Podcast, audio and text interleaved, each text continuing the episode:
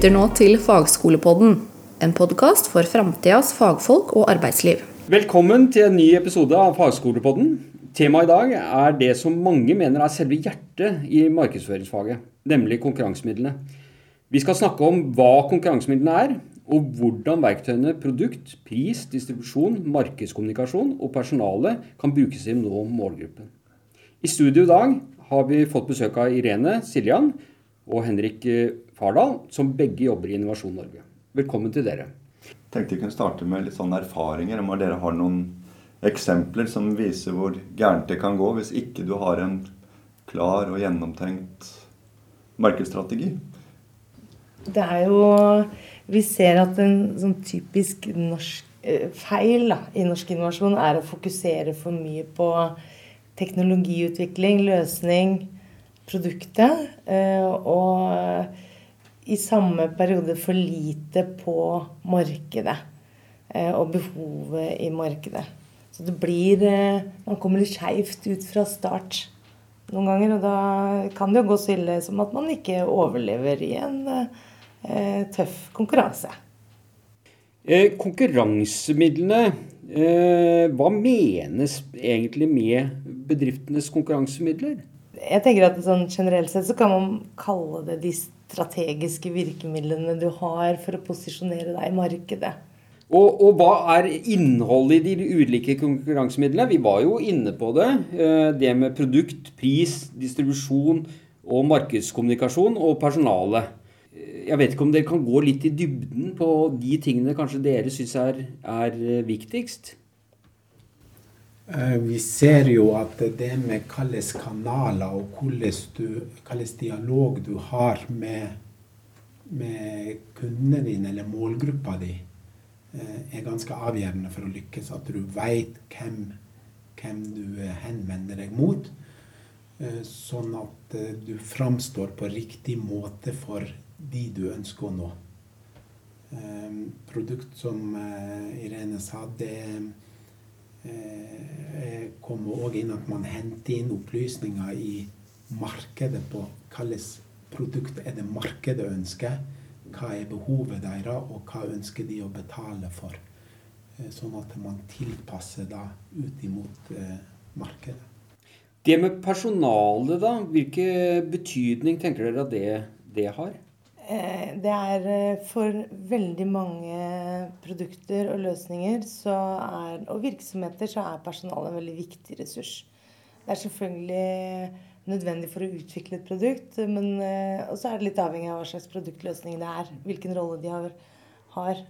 Men det, det, er nødvendig med både en god produktkunnskap, en serviceinnstilling, engasjement. Vi ser også som en veldig viktig ressurs i forhold til bærekraftsprinsippet. Eh, og der eh, tenker jeg at når vi i Innovasjon Norge jobber nå med å se på mer enn enkel bunnlinje med økonomi, vi tar inn samfunn og miljø, så er det nødvendig å se på eh, personalet og de ansatte som hele individer. En ting er hva de bringer inn i virksomheten, men de skal ha gode arbeidsforhold, god lønn. De har andre behov også utover å være et personale. Så en viktig ressurs å ta med. Når du trekker inn det med, med, med bærekraftsperspektivet, eh, eh, tenker du da at du fokuserer på alle altså, eller, eh, eller gjør en analyse med alle de fem p-ene? Altså produkt, pris, distribusjon, markedskommunikasjon og personale? Eller eh, Absolutt. Ja. Eh, absolutt. F.eks. på distribusjon så må du se hvordan hvordan skal du tilgjengeliggjøre produktet ditt? Eh, hvordan er logistikken rundt det? Hvor mange mellomledd bruker man? Det er mange aspekter ved det som er viktig å ta hensyn til når man tenker eh, bærekraftig utvikling. På alle egentlig områder i forretningsmodellen så må man tenke prinsipper rundt det. Da. Mm. Et spørsmål til, til Henrik, som har jobbet, er 30 år du har jobba i Innovasjon Norge. Ja. Og det, Hvordan har dette her med markedskommunikasjon endra seg? Kanskje litt artig å høre refleksjoner du gjør om det? Det har eh, endra seg at man er blitt veldig mye flinkere til å gå ut i markedet og se på markedsbehovene. Der mener jeg det er en eh, stor endring. De unge gründerne er kjempeflinke. setter seg inn i tinga. Og så er det Jeg vil bare henge litt på det som Irene sa med, med, med personal. Da. Jeg tenker jo at det med situasjonsanalysen Hvor er vi nå, og hvor, hvor skal vi? Eh, bør påvirke hvilken type personer du ønsker å ha med deg i selskapet. Eh, hvilken kompetanse trenger vi for å nå de målene, og hvilket nettverk trenger vi. Noe av kompetansen kan du hente internt, og noe må du ha Eh, kan du hente eksternt, og noe må du ha internt. Eh, men sånn tilbake til, til de gründerne og, og, utviklingen, så eh, Det med at de er blitt veldig flinke, mer markedsorientert. Og så er det Altså, det er blitt litt kulere å være gründer i dag enn det var for 10-15 år siden. Norge er et godt land å gründe i. Og eh, man, man blir heia på, vi heier veldig på gründere. Vi har jo snakket eh, mye eh, nå om, om de, de, fem p-ene, men det vi ikke har vært så mye borti, det, det er de, altså pris som er en av de fem p-ene. Hva tenker dere om det? Er det liksom litt bevisst at dere ikke har nevnt det som Eller hva tenker dere rundt det? Ja, Pris er jo eh, viktig, og man skal, ha, eh, man skal ha riktig pris for, eh, for, sine tjenester eller produkt. Det eh, trenger absolutt ikke å være lavest pris som vinner. Eh, og der er det igjen da det med å sjekke ut hva er villigheten ute i markedet. Hvor er det betalingsvilje? Hvor stor betalingsvilje er det for sine, eh, sine produkter eller tjenester? Og man må jo ha ei positiv bunnlinje, og man jo, skal jo bidra til verdiskaping. Så det, det, det, er nok lønnsomt å gjøre sånne kalkyler tidlig, men, men, det er et vanskelig arbeid. Det er vanskelig å forutse hva blir produksjonskosten hvis man utvikler nye produkt. Hva er egentlig betalingsviljen? Hvor stort volum trenger man? Det er litt forskjell på om det er et volumprodukt eller om, om du selger industriprodukt, fire maskiner i året. Det har også noe med eh, hvilke signaler du skal sende til markedet om kvaliteten på ditt produkt. Det kan være fristende f.eks. å komme inn i en stor kjede, men da mister du eh, kontrollen på prissettingen av ditt eget produkt. Plutselig kjører de en kampanje, og så blir det produktet satt på en lav pris som du egentlig ikke ønsker at skal være forbundet med produktet ditt. Altså, det er veldig viktig å være veldig bevisst på, på en prisstrategi for produktet. Og Det er nettopp derfor jeg spurte om det med pris. Fordi jeg opplever at mange av våre studenter uh, er opptatt i utgangspunktet av å prise det lavere enn de andre produktene i markedet. Og Det er jo ikke nødvendigvis sånn, men, men jeg syns det er veldig interessant at dere hele veien knytter disse fem p-ene til hva markedet egentlig, var markedet har behov for. Eh, og at man undersøker det i stor grad og tilpasser da eh, den markedsmiksen ut ifra eh, hva, hva, markedet trenger og har behov for. Det er, det er, enkelt å ta i bruk pris som et konkurransemiddel, men det er ikke alltid det lureste. Men så er det her med distribusjon, har vi prata litt lite om det også. For der er jo skjedd masse endringer de siste tiåra.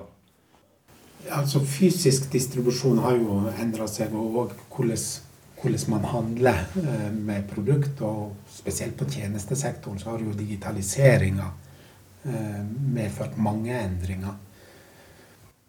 Det er um, viktig med tilgjengelighet.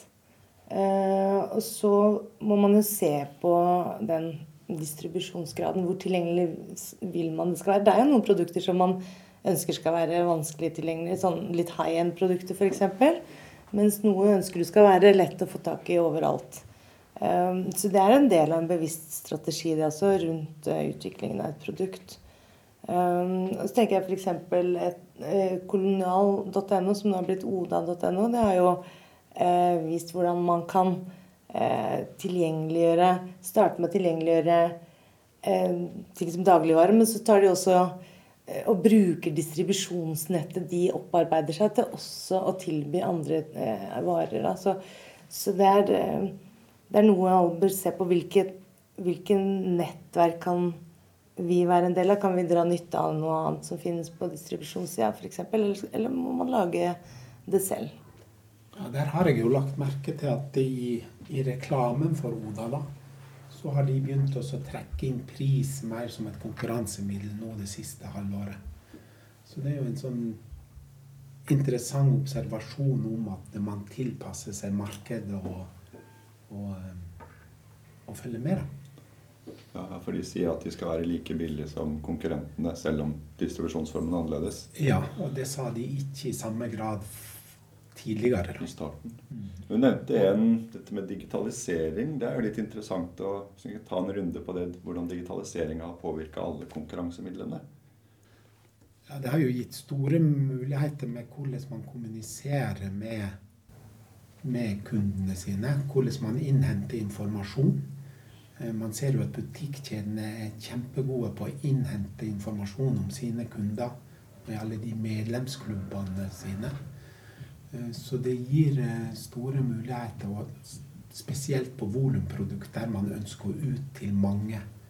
De har jo vært veldig flinke til å utnytte det. Det gjør det spennende, men det gjør det også krevende å være på og følge med. Og for man må jo nyttiggjøre seg den informasjonen for å se hvordan kan man gjøre endringer eh, i, i, relasjonen med kunden. Da, basert på det. Da, det krever at du innhenter den kunnskapen og bruker den på en god måte. Og så har du selvfølgelig hele jussen og personvernet på andre sida. At dette her skal du være veldig gjennomtenkt på det også. Mm. Absolutt. Ja, Ståle. Da har vi jo vært igjennom det vi har kalt uh, markedsmiks. Men hva er egentlig markedsmiks, Ståle? Ja, hva er markedsmiks for noe? Jeg tenker det er, det er litt sånn Etter bedriften har gjort situasjonsanalysen, så er det å tenke gjennom hvordan vil vi konkurrere i markedet. Da kan du tenke at du kan liksom skru på disse fem bryterne da, og sette sammen din tjeneste på en bestemt måte. og og at du gjør det da smart i forhold til hva andre gjør. Oda ble nevnt i stad. Ja, de var annerledes på distribusjon og skulle distribuere maten rett hjem. Sånn som man også gjorde i etterkrigstida. Så fant de ut at det kan gjøre noe med teknologi. Prisen er ikke så nøye. Og så har de plutselig gjort et strategisk valg hvor vi må være like billige som, som de alternativet. da. Så det er egentlig hvordan du setter sammen Hvordan du velger å sette sammen din uh, din tjeneste og ditt konsept, sånn som jeg forstår det. Jeg tenker at eh, Det er også spennende å se på noen andre eksempler. altså Rolls-Royce som selger flymotorer, de har jo gått fra å selge motoren til å selge oppetid i lufta. Ikke sant? Altså Det blir et produkt som tjeneste. Det er også noe som har endra seg med måten vi kan eh, jobbe på. Philips eh, eh, selger ikke lyspærer til alle målgrupper lenger, men de selger tid timer med lys. Eh, hvor Philips fortsatt eier eh, lyspærene og bytter ut. Men det er servicen og, og det å ha lys som er eh, produktet. Så det fins mange måter å jobbe med markedsmiksen på. Og bruke det eh, på optimale måter. da. Kan være veldig spennende, tenker jeg. Jobbe med det strategisk. Du har nå hørt Fagskolepodden, produsert av Fagskolen Vestfold og Telemark.